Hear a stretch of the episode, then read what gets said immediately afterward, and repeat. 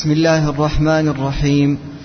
الحمد لله رب العالمين والصلاة والسلام على أشرف الأنبياء والمرسلين نبينا محمد وعلى آله وصحبه أجمعين. اللهم اغفر لنا ولشيخنا والحاضرين والمسلمين أجمعين. قال شيخ الإسلام ابن تيمية رحمه الله تعالى في العقيدة الواسطية بسم الله الرحمن الرحيم. الحمد لله الذي أرسل رسوله بالهدى ودين الحق ليظهره على الدين كله وكفى بالله شهيدا. وأشهد أن لا إله إلا الله وحده لا شريك له إقرارا به وتوحيدا. وأشهد أن محمدا عبده ورسوله صلى الله عليه وعلى آله وسلم تسليما مزيدا. أما بعد بسم الله الحمد لله والصلاة والسلام على رسول الله. أخذنا فيما تقدم ترجمة شيخ الإسلام وتقسيمات الواسطية وأخذنا بفضل الله ومنه القواعد في الأسماء والصفات. اليوم بإذن الله نبدأ في شرح العقيدة الواسطية. قلنا هذه العقيدة مباركة وأنه فيها يعني أحسن ما قيل في مجمل اعتقاد أهل السنة والجماعة في الأسماء والصفات وأحسن ما قيل في الصحابة كرامات الأولياء الجمع بين العلو والمعية وغيره طريقة أهل السنة العملية وغيره من الأمور. بدأ المصنف رحمه الله بالبسملة. لماذا يبدأ علماء أهل السنة والجماعة بالبسملة؟ تقدم معنا هذا. أولا اقتداء بالكتاب العزيز. ثانيا اقتداء بالنبي صلى الله عليه وسلم بل وبالأنبياء والرسل عليهم الصلاة والسلام. ومنها قول الله سبحانه وتعالى وإنه من سليمان وإنه بسم الله الرحمن الرحيم. ثالثا اقتداء بعلماء السلف. رابعا تيمنا وتبركا بالبداء بسم الله. والخامس قال عملا بحديث وإن كان لا يصح كل أمر ذي بال لا يبدأ فيه. طيب إذا هذا السبب البدء بالبسملة. أيضا العلماء يبدأ بالحمدلة الحمد لله الذي أرسل رسوله. يبدأ بالحمد لأن ابن سعد رحمه الله يقول لأن حمد الله موجب لبقاء النعم. فقال يحمد الله سبحانه وتعالى في يحمد العلماء الله سبحانه وتعالى في أول الكتب لأن الله سبحانه وتعالى أنزلهم هذه المنزلة وهي منزلة ورثة الأنبياء. ويحمد الله سبحانه وتعالى في آخر الكتب لأن الله أتم عليهم النعمة. عندما ينتهي الكتاب نعمة هذه والنعمة تحتاج إلى شكر. فلا بد أن يحمد في الأول أن الله أنزل هذه المنزلة منزلة ورثة الأنبياء ويحمد الله سبحانه وتعالى في آخر في آخر الكتاب. طيب. البسملة قال الجار ومجرور في بسم الله متعلق بفعل محذوف متأخر مناسب. متعلق لأن لابد أن الجار ومجرور له متعلق يعمل فيه. قال يتعلق إما بجملة اسمية أو بجملة فعلية. متعلق بفعل. لماذا علقناه وجعلنا الجملة قدرناها جملة فعلية ولم نقدرها جملة اسمية. قال لأن الجملة الفعلية تدل على التجدد والحدوث. تقول بسم الله أقرأ بسم الله أتوضأ بسم الله آكل بسم الله أدخل المسجد. بخلاف الجملة الاسمية تدل على الثبوت والاستقرار. الرحمن على العرش استوى. قال إذا الجملة قدرنا هنا الجملة أنها فعلية لأن الجملة الفعلية تدل على التجدد والحدوث والجملة الاسمية تدل على الثبوت والاستقرار.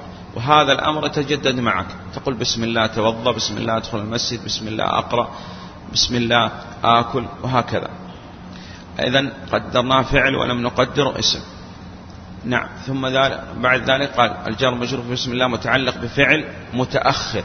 لماذا لم نقدر متقدم وقدرناه متأخر؟ قال إذا تقدم المعمول على العامل يدل على الحصر. إذا قدرنا متأخر قال لسببين الأول تيمنا وتبركا بالبداء بسم الله لأنه لا يتقدم على اسم الله شيء. ولذلك إحنا بدأنا بالبسملة تيمنا وتبركا بالبداء بسم الله. فلا يمكن نقدم شيء على اسم الله. نعم. الثاني أنه إذا تقدم المعمول على العامل دل على الحصر. كأنك تقول لا آكل إلا بسم الله. ببسم الله. طيب. إذا قدرنا متأخر لسببين. الأول تيمنا وتبرك البداء بسم الله لا يتقدم على اسم الله شيء. الثاني الحصر.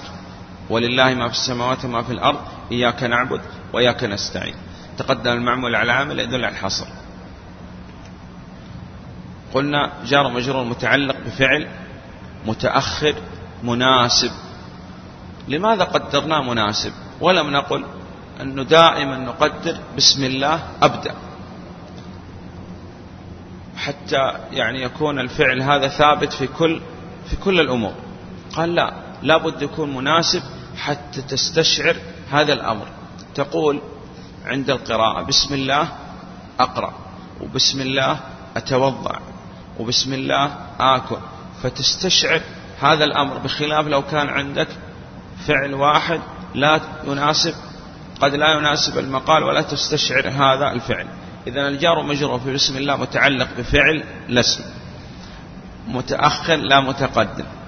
مناسب خرج به أنه فعل ثابت. مثاله تقول بسم الله أبدأ. نعم. جار مجرور متعلق بفعل متأخر مناسب. قال الله آه الله سبحانه وتعالى هذا الاسم مشتق. قلنا اسماء الله سبحانه وتعالى مشتقة. مشتق من الإله أي المألوه المعبود محبة وتعظيما. الثاني أن هذا الاسم لم يسمى به أحد إلا الله سبحانه وتعالى. الثالث أن هناك من العلماء من قال أن هذا هو اسم الله الأعظم.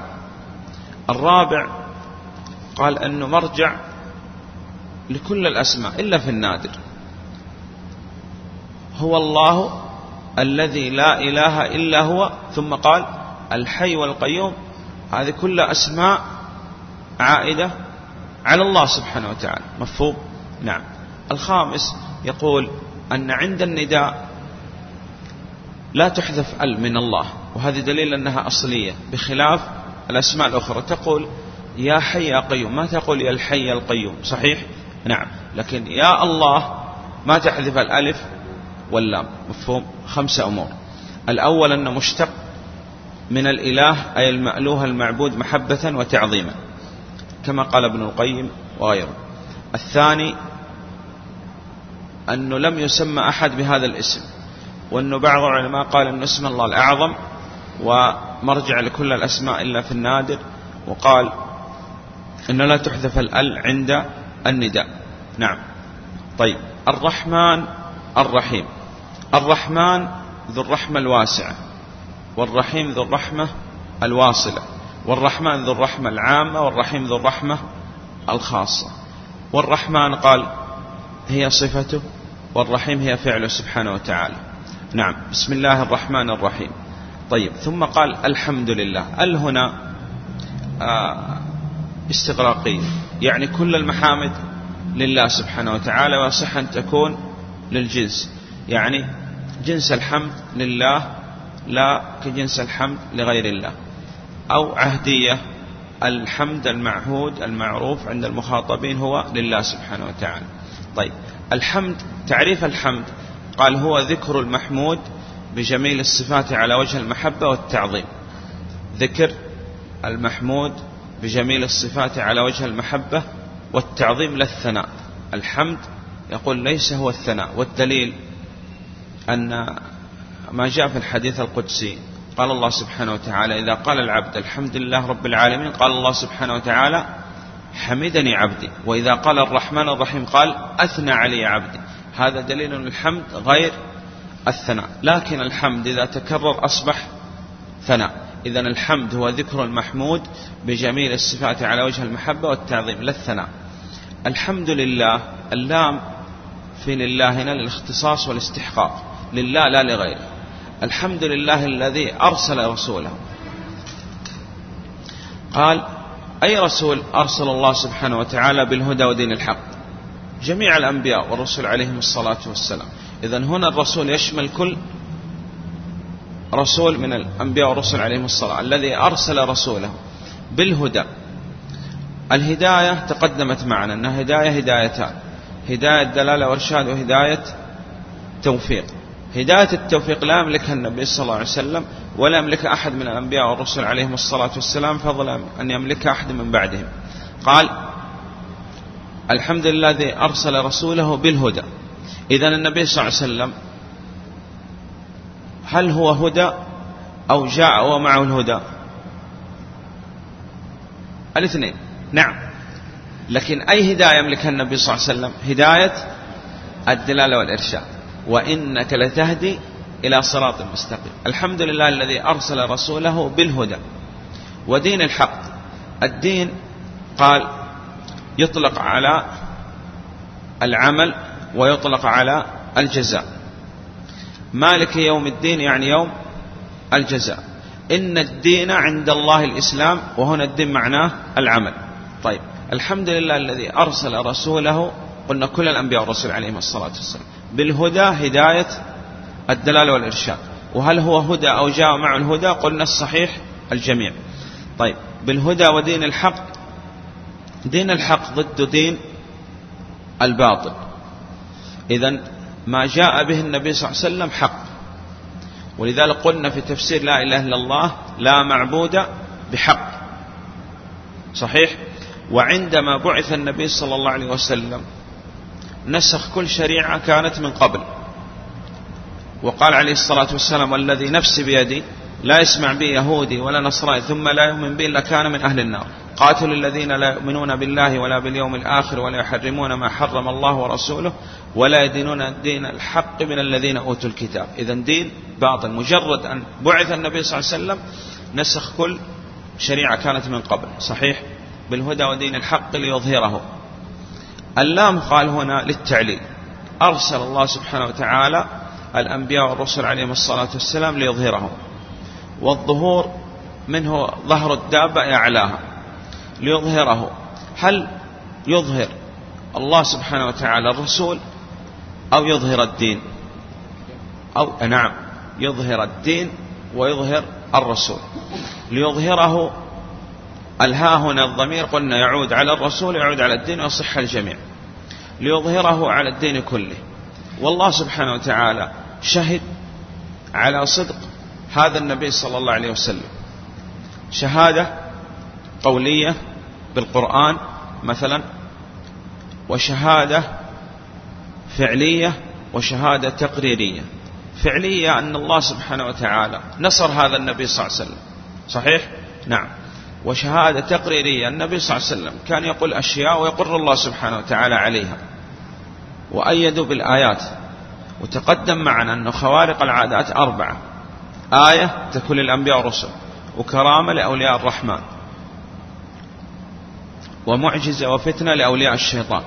وعندنا فضيحة لأن كل من كذب على الله تقدم معنا أن الله سبحانه وتعالى يفضح في الدنيا قبل الآخرة. نسأل الله السلامة والعافية. وهذا النبي صلى الله عليه وسلم أيد الله سبحانه وتعالى وفضح من ادعى وكذب على الله مثل مسيلمة ليظهره على الدين كله على كل الأديان.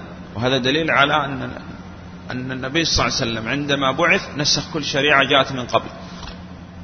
ليظهره على الدين كله وكفى بالله شهيدا نعم. آه غدا إن شاء الله نكمل ما تبقى. نراجع الآن هذه الأمور.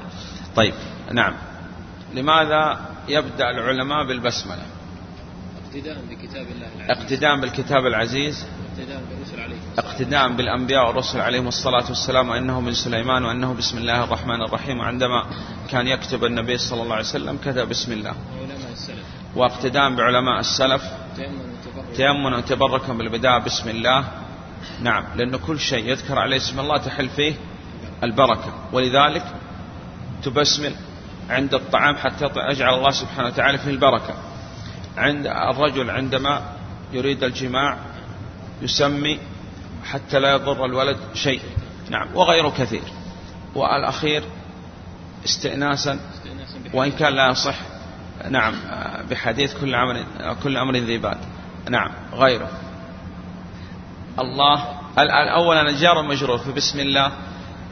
إيش معنى هذا انه له متعلق؟ ما تستطيع يا شيخ أنك تقول في الحديقة وتسكت بالقلم وتسكت على الكرسي وتسكت.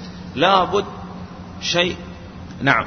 لأن هذا له متعلق. تقول كتبت بالقلم جلست على الكرسي.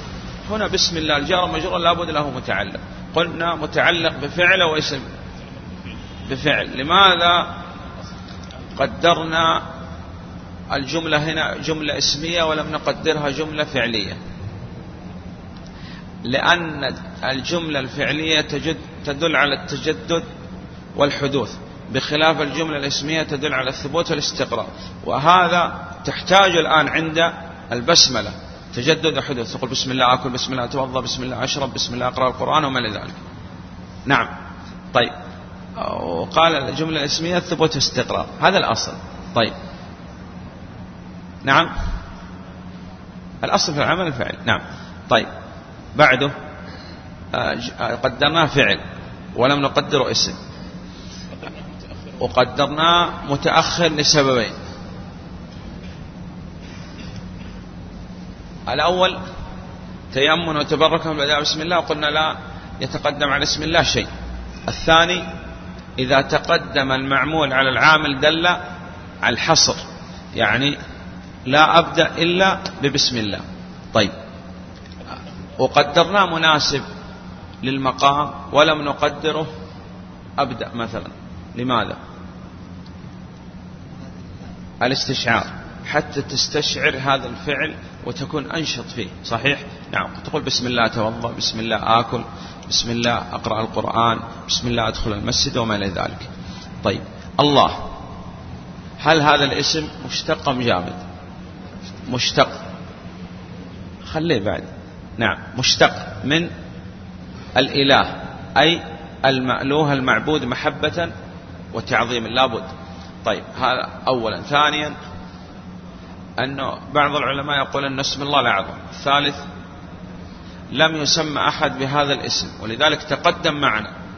أنه من أنواع الإلحاد في أسماء الله أن تسمي الله بما لم يسمي به نفسه. لأنه عندهم في بعض اللغات في اللغة الإنجليزية مثلا قاد معناه إله. هل هذا اسم من أسماء الله؟ أعوذ بالله. هذا إلحاد في أسماء الله وكذلك خداي. نعم. طيب. الرابع أن مرجع لكل الأسماء إلا في النادر. وقلنا أن الله سبحانه وتعالى قال هو الله الذي لا إله إلا هو الحي القيوم عائد على الله. أنه لا تحذف الألف واللام عند النداء ومثلنا عليه بمثال تقول يا حي يا قيوم تحذف الألف واللام من الحي والقيوم ولكن في الله ما تحذف هذا دليل قال أنها أصلية. طيب وغيره الرحمن الرحيم ذو الرحمة الواسعة وذو الرحمة الواصلة ذو الرحمة العامة وذو الرحمة الخاصة بالمؤمنين قال صفته وفعله. طيب لماذا يبدأ العلماء بالحمد لله بعد البسملة.